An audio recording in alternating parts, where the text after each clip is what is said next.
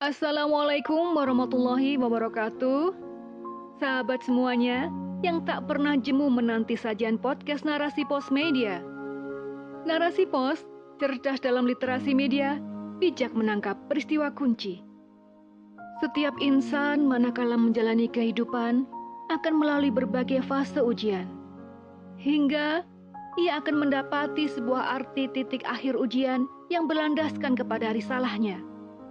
Semua rasa yang ada bisa kita nikmati dalam sebuah puisi yang berjudul Tersesat. Karya Messi Ihsan. Aku tersesat dalam ruang tanpa kata. Tak tahu jalan mana yang hendak disapa. Terperangkap dalam dunia nan fana. Sanubariku berteriak bahwa ini dosa. Tapi nafsuku berada di puncak utama. Semakin membuat diri ini tertawa ria, menari riang dalam bias maya. Aku semakin tersesat tanpa punya peta. Semakin tenggelam dalam jurang dosa terlena dalam buayan dan nyanyian dunia. Hidup bahagia, tapi kenapa hati hampa? Seolah ada yang hilang dari dunia. Hidup penuh tawa, tapi kenapa jiwa merana? Seolah ada yang hilang dari tubuh manusia. Apakah kini dunia sedang bercanda? Aku kian menapaki jalan nan panjang.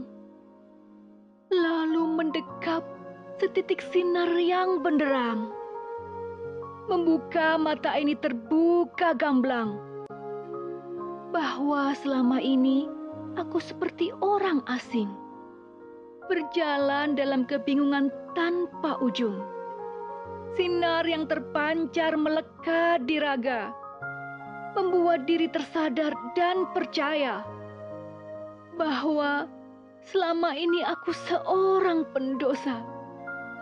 Sebab mengabaikan kuasa Sang Pencipta dengan mengabaikan ayat-ayat cintanya. Keinginan ini terus berteriak tanpa jeda.